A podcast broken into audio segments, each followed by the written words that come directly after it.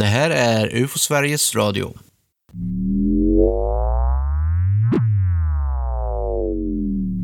Hej och hjärtligt välkomna till UFO Sveriges Radio. Jag heter Tobias Lindgren. Och jag heter Thomas Michanek. Läget är väl lite turbulent nu kan man konstatera. Det var ju ett tag sedan vi hördes. Den senaste podden om jubileet fick vi ju dra tillbaka. Ska vi ta och uppdatera lite om UFO Sverige? Ja, det tycker jag.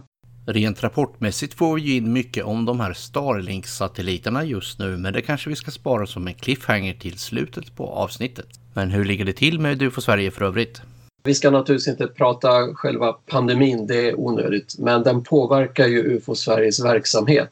Eh, dels den här podden som vi gör nu utan att träffas fysiskt. Eh, jag sitter på mitt håll och du Tobias sitter på ditt håll. Jajamän, och det går alldeles utmärkt. Och sen styrelsen i UFO Sverige, vi kommunicerar ju nästan uteslutande digitalt. Vi har våra sammanträden online och sådär i och med att man ska undvika resor eftersom styrelsen är lite utspridd i Sverige. Och sen är det ju också så att vi hade ju ett jubileum planerat. Vi fyller ju 50 år i år och det som många vet hade vi inplanerat veckan efter påsk i april och det är vi tvungna att flytta fram nu på lite obestämd tid tyvärr. Någonstans in i framtiden, men i år hoppas vi va? Ja, under hösten hoppas vi väl ändå att, att läget ska bli så pass bra att vi ändå kan hålla en aktivitet. Men årsmötet, det, det kör vi ändå ganska snart. Ja, det gör vi ju. Eh, det är ju det som egentligen är riksstämman rent formellt, vårt årsmöte. Och det måste man faktiskt hålla här under våren. Så att det har vi också fått flytta fram då, men till, har vi satt en tid till 30 maj. Det här mötet blir då digitalt och inte fysiskt. Eh, och det är återigen på grund av de här restriktionerna som finns. Vi kikar på lite olika lösningar hur vi ska göra det här online men återkommer till alla intresserade om det senare. Den här informationen kommer ju finnas på ufo.se. Det gör den absolut. På grund av flytten av årsmötet så har vi ju förlängt tiden för motioner, skrivelser och nomineringar till den 18 april. Ja, det stämmer. Det är ju lite formaliteter så här men att eh, det finns vissa datum då saker och ting ska vara klara inför riksstämman. Då är det så att eh, medlemmarna kan ju skriva motioner eller skrivelser om man vill ta upp någonting på årsmötet och då har man ungefär två veckor på sig här att göra det. Och så kan man ju då nominera, det vill säga föreslå nytt folk eh, till styrelsen och det ska också vara gjort senast 18 april. För just nomineringen behöver man inte vara medlem va? Nej, det behöver man inte vara, det är riktigt. Själva mötet är ju bara för medlemmar. Alla kan nominera folk. Däremot så är det ju så att är det någon som ska väljas in på riksstämman så måste den personen i sin tur vara medlem, så är det. Men alla kan föreslå. Vi tänkte väl att vi i podden här skulle prata lite om hur man kan engagera sig i UFO Sverige. Men ni som saknar den här eminenta intromusiken får den nu.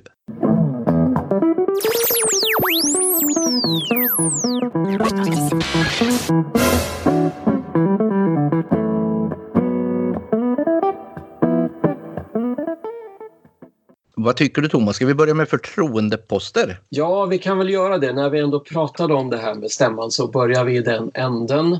Vi har ju någonting som man kallar för förtroendeposter i föreningen. Det är ju alltså de som sitter i styrelsen, våra revisorer och en valberedning. Exakt vad det här innebär att sitta i styrelser och vara revisor och så vidare, det finns det lite information om på vår webbsida. Jag kan väl nämna det att man, det enklaste sättet att komma dit är väl att välja UFO Sverige engagemang och sedan scrolla ner på slutet där så får man en liten länk där till vad det innebär att engagera sig lite mer formellt. Och sen har vi också en eh, valberedning. Det är ju den som ger de här förslagen till stämman, vilka som ska väljas. Och sen är det ju själva medlemmarna som väljer på stämman. Och då är det ju så här att när vi brukar ha våra fysiska stämmor så är det väl ibland lite tunt med medlemmar som dyker upp.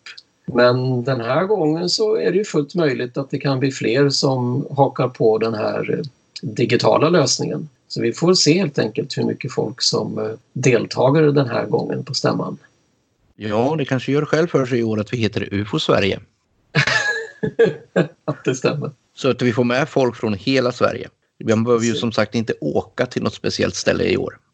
Och sen är det ju då att vill vi ju ha in eh, nomineringar som heter då, förslag på, på engagerade. Eh, och det kan man göra på ett eh, formulär som finns på webben kan man använda det och då går det förslaget till valberedningen som då får ta och undersöka om det kan vara vettigt att eh, välja in en sådan person som blir föreslagen. Men det är också viktigt att förstå att vi kan inte utlova att det finns platser för alla som visar ett intresse. Det är inte så att vi har en massa vakanser som vi ska fylla ut. Intresset vi har att få in folk är ju naturligtvis för att få in nya engagerade och får man, kommer man inte med den här omgången så har vi ändå förslag på namn som vi kan använda i andra sammanhang. Så det är ja. jättebra att nominera. Det är ju väldigt bra för oss också att se hur intresset ligger. Om det är folk och intresserade som vill ställa upp. Ja, precis. Och skulle man inte komma in i, i, styrelsen eller vad man nu önskade så som sagt finns det absolut möjlighet att vi kan kontakta de personerna och se om de kan hjälpa till på något annat sätt.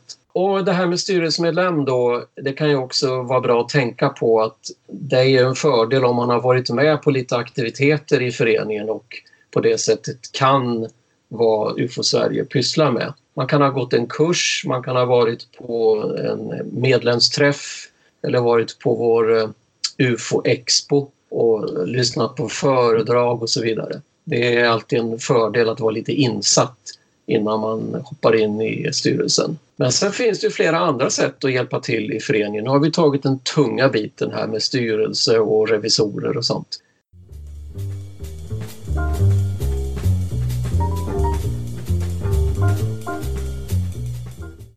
Det finns väldigt många andra sätt man kan engagera sig i UFO Sverige. Vad säger du Thomas? Ja, vi kan väl ta de lite enklare sätten nu. Eh, det här med styrelse kan ju vara som sagt lite tungt att börja med. Men man kan ju bidra på många olika sätt med till exempel sina egna tankar eller upplevelser. Exempelvis har du egna teorier om ufo-fenomenet? Har du, du kanske har läst en bra bok eller framförallt du kanske har haft en egen ufo-observation eller någon annan upplevelse som du inte själv kan förklara. Då tycker vi att det vore jättekul om du antingen kan du skriva ett bidrag till våra tidningar, Rapportsnytt eller UFO-aktuellt. Eller varför inte, när vi ändå sitter här, berätta om det hela i en podd. Ja, för det är ju ett väldigt återkommande önskemål om att man vill höra rapporter och man vill höra berättelser från ögonvittnen. Ja. Det önskar vi ju verkligen om det är någon som har viljan att berätta sin historia i våran podd här så skulle vi också bli glada. Som sagt, det här med podd kan ju lösas på distans nu i det läget som vi har med Skype eller någon annan variant. Och man får inte vara rädd för det här att, att prata och tänka oh, jag måste eh, kunna det här på något sätt utan vi redigerar ju de här avsnitten efteråt så att det går bra att säga fel och börja om och lite sådär. Det är som att prata i telefon ungefär. Men det skulle vi verkligen gärna vilja ha. Men man kan även bidra på många andra sätt till föreningen. Ja, det, här med tankarna och, och, tipsen och upplevelserna som jag sa, där kan man ju också... Känner man nu att det är till och med det här med att skriva ett bidrag till tidningen eller sitta och, och berätta i en podd, att det också känns liksom lite för mycket för en. Då kan man ju skriva ett litet inlägg i vår Facebookgrupp som heter Allmänheten diskuterar UFO och UFO-Sverige. Där kan man ju skriva väldigt fritt om vad man tycker och tänker och vad man har varit med om. Men egentligen så föredrar vi ju om man använder andra sätt som är lite mer bidrar till vår verksamhet. Till exempel att skriva en liten notis till Rapportnytt. Inte jättesvårt. Nej, det är väldigt välkommet. Tittar man i Rapportsnytt, vår tidning, så finns det där i, i början så står det en liten e-postadress där som man kan skicka sina eh, bidrag till. Och vi kan naturligtvis också hjälpa till om man känner att man har svårt att formulera sig. Så skriv någonting så kan vi redigera och, och hjälpa er på traven. Så var inte rädda för att uttrycka er. Nej, och med det här med skrivandet kan man ju säga att eh, vi har en eminent webbsida som heter ufo.se. Där kan man också hjälpa till att fylla på med information. Absolut. Tobias, du är ju webbmaster här så att eh, det är ett jättebra sätt att bidra också. Vi har ju allt möjligt där. Vi har uppslagsverk, vi har eh, misstolkningsguider och så vidare. Det tycker jag att ni ska titta efter.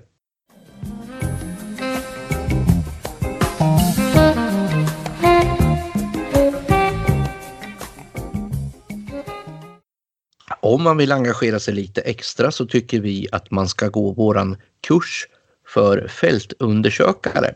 Vill du berätta lite mer om den, Thomas? Ja, vi kan ju börja med att förklara vad vi menar med fältundersökare. Det är alltså de personer som faktiskt undersöker inkomna UFO-rapporter från allmänheten. Och då fungerar man som ett stöd till det vi kallar för Rapportcentralen. Det är ju Rapportcentralen som först får in alla rapporter och eh, finns det då intresse eller ett, eh, en möjlighet att åka ut på plats och göra intervjuer kanske och fotografera, träffa vittnen och så vidare, då är det våra fältundersökare som hjälper till med det. Nu är det väl så att de flesta fallen löser vi normalt via rapportcentralen och eh, kommunikation med e-post och telefon och så vidare. Men det förekommer absolut när det är ett mer intressant fall att man får åka ut på platsen, på fältet och, och kolla och intervjua. Och då är ju lokal kännedom guld värt för oss. Folk som Precis. bor i trakten är ju väldigt bra på att känna till var man är och hur det ser ut och så vidare. Så att eh, man kan ju få många ledtrådar genom att känna till sin egen trakt. Visst är det så. Och det är därför vi vill att så många som möjligt Eh, går vår fältundersökarkurs så att eh, vi har folk utspridda över hela landet som kan hjälpa till. Och den här kursen den håller vi alltså varje höst. Eh, senast nu så var vi på något som heter Gryts varv och konferens ute i kustbandet i Östergötland. Och vi hoppas kunna vara där igen. Nu är det ju återigen lite osäkert exakt när vi kan vara där beroende på den här situationen vi befinner oss i. Men vi satsar på att hålla kursen i höst. Eh, det brukar vara två dagars fullmatat program där man får lära sig det mesta om UFO och hur man undersöker rapporter och hur vi i UFO Sverige arbetar. Och det brukar ju vara en, eh, det är en engångsavgift där så att säga som man betalar som täcker hela kursen och all logi och all eh, mat som ingår under dessa två dagar. Så det är ett jättebra paket. I vanliga fall brukar vi ju öppna för bokningar ganska snart men i år så skjuter vi på bokningarna då till efter sommaren. Ja, just i och med att vi, vi vet ju faktiskt inte nu exakt vilket datum det här blir. Det är jättesvårt att, att våga gå ut med det nu utan vi väntar lite grann tills vi har läget under kontroll. Eller att Sverige har läget under kontroll kanske snarare. Ja, Eh, men när man väl har gått den här kursen då, hur, eh, hur gör man då för att engagera sig extra mycket? Ja, det finns ju ett sätt man kan göra det och det är ju att bilda det vi kallar för en lokal undersökningsgrupp. Om det är så att man är flera personer på samma ort eller i samma region eh, så kan man ju då bilda en liten undersökningsgrupp så att man alltså träffas flera stycken fältundersökare och jobbar tillsammans med att lösa fall i samarbete med Rapportcentralen. Och det här är ju som ett litet alternativ till det som vi förr i tiden hade någonting som kallades för lokalföreningar. Men undersökningsgrupper är mycket mindre formella. Man behöver inte ha massa sådana här formaliteter som föreningar ska ha utan man bara har en samlad grupp som träffas regelbundet och eh, går igenom rapporter och så vidare.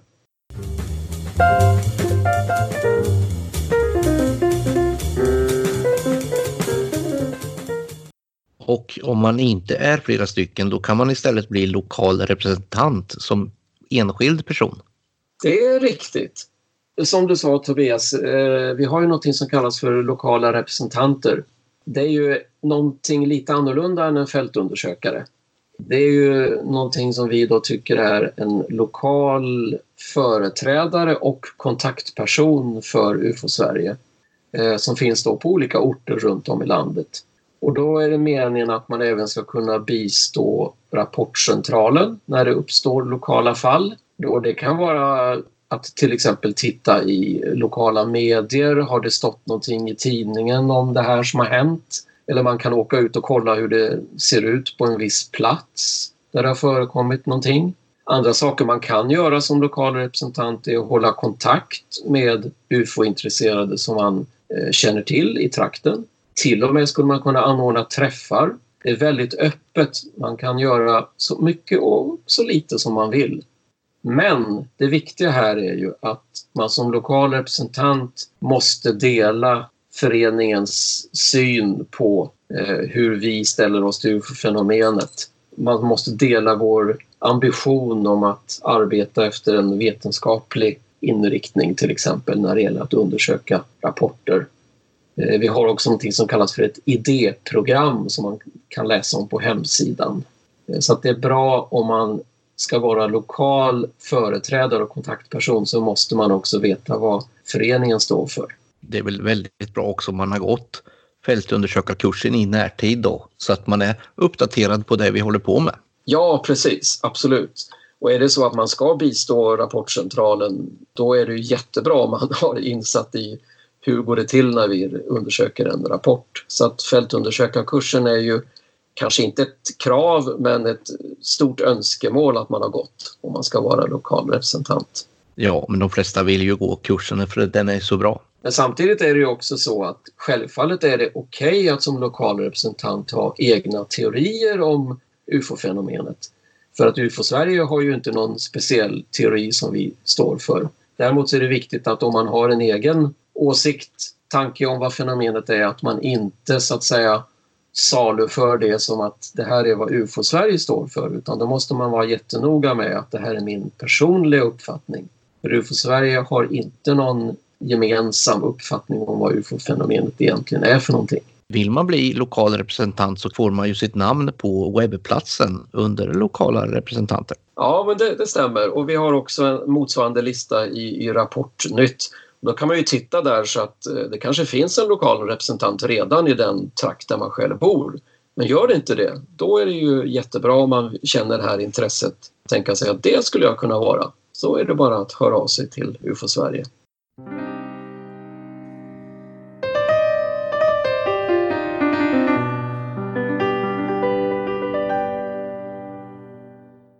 Har du som lyssnat kanske några funderingar, någon fråga eller varför inte en bra idé om vad du vill höra i UFO Sveriges Radio framöver? Skicka då ett mejl till adressen info.ufo.se. Vi som hörts i detta avsnitt är Thomas och Tobias. Och så glöm inte att UFO Sverige finns på sociala medier. Diskutera gärna där. Du hittar UFO Sveriges Radio på de flesta ställen där man hittar poddar och du lyssnar precis när du vill. Har du något att tillägga Thomas? En sista sammanfattning. Ja, men det kan vi återupprepa det här då att 18 april så är det sista dagen för att nominera folk till eh, eh, förtroendeposterna och, eller att skriva en motion eller skrivelse till vår riksstämma. Låter utmärkt.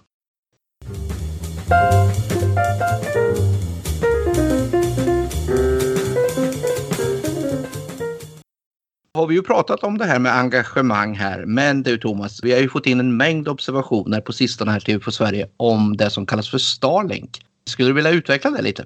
Starlink är ju ett satellitprojekt som består av en stor samling av små satelliter som man skjuter upp och som ska ge internetaccess över hela jorden även där det är väldigt eh, svåråtkomligt för vanlig eh, mobiltelefoni och internetaccess.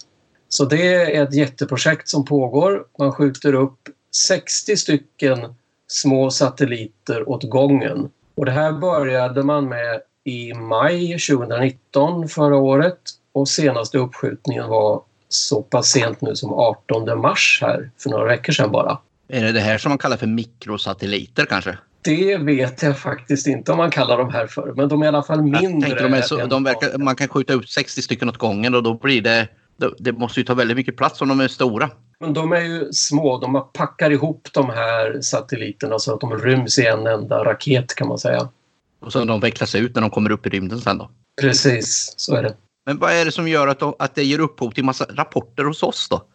Det som är lite unikt med det här då, det är att alla de här små satelliterna de bildar liksom ett litet tåg kan man säga, eller ett pärlband av ljuspunkter på himlen som sitter ihop i början. Och då ser det jättemärkligt ut. Då tänker man, vad är det som kommer där? Är det, är det ett tåg upp i luften? Och det är det ju nästan då. Men sen med tiden då så glider de här satelliterna isär lite mer och då följer de samma bana över himlen och kommer åkandes en efter en med lite mellanrum. Och det där kan man ju då tycka ser väldigt konstigt ut oavsett om det är så att säga i början av uppskjutningen eller lite senare. De här tågen då, de ser man närmast dagarna efter en uppskjutning och sen med tiden så blir de liksom svagare och svagare och eh, med längre avstånd emellan sig. Och i och med att det har kommit in de här rapporterna nu så har vi faktiskt skrivit ett litet inlägg på vår Facebook-sida där man kan se lite bilder och filmer hur det här faktiskt ser ut. Så att det är flera av observatörerna som har fått sina eh, observationer förklarade vid det här laget. De har fått ganska mycket kritik här för att de smutsar ner i rymden. Det är väl här företaget SpaceX som ligger bakom det här? Ja, det stämmer. Eh, SpaceX är ju det här företaget som Elon Musk bildade för ett antal år sedan. Och de har gjort väldigt mycket bra för rymdforskningen. De återanvänder ju sina raketsteg. De har ju lyckats med det att de skjuter upp en raket och så landar den här raketen sen efter uppskjutningen så att den kan användas igen. Starlink skjuts ju då upp med de här eh, raketerna som SpaceX har. De kallas Falcon 9 om man har hört talas om det. Och det är riktigt att de har fått kritik för det är så väldigt mycket de skjuter upp. Det har varit sex stycken uppskjutningar hittills av det här Starlink och det är alltså 360 satelliter som just nu finns där uppe. Och de gör ungefär en sån här uppskjutning i månaden och de har fått tillstånd att skjuta upp 1600 satelliter i början. Om några år så kan det faktiskt vara så många som 12 000 satelliter. Det är ganska mycket det. Det låter som att det kan bli trångt där uppe i rymden. Och jag vet ju att satelliter har kolliderat förut. 2009 var det faktiskt en rysk Kosmos och en Iridium-satellit som kolliderade. Det blev en himla massa rymdskrot som fortfarande snurrar runt i omloppsbana. Tror du inte de här Starlink-satelliterna kommer att kunna ställa till det? Jo, det finns naturligtvis en liten risk, så är det ju. Det är så här idag att totalt så finns det ungefär 2000 satelliter runt jorden som åker runt i olika omloppsbanor. Starlink har då valt att ligga, eh, lägga sig på 550 kilometers höjd. Det är en ganska låg omloppsbana och många satelliter ligger på andra höjder kan man säga. Vi kan ta internationella rymdstationen till exempel, den ligger på 400 kilometers höjd. Eh, Hubble-teleskopet ligger ganska nära, 540 kilometer. Och så nämnde du, tror jag nyss, de här Iridium-satelliterna. De ligger på 780 kilometers höjd. Så att man ligger ändå på, i lite olika banor men det har faktiskt redan varit en incident med en sån här Starlink-satellit och en annan vanlig satellit så att säga. Så det finns en liten risk. Men det är också så att de här Starlink-satelliterna faktiskt har ett inbyggt system där de automatiskt kan ändra sin bana om de märker att de är på väg att kollidera med någonting annat.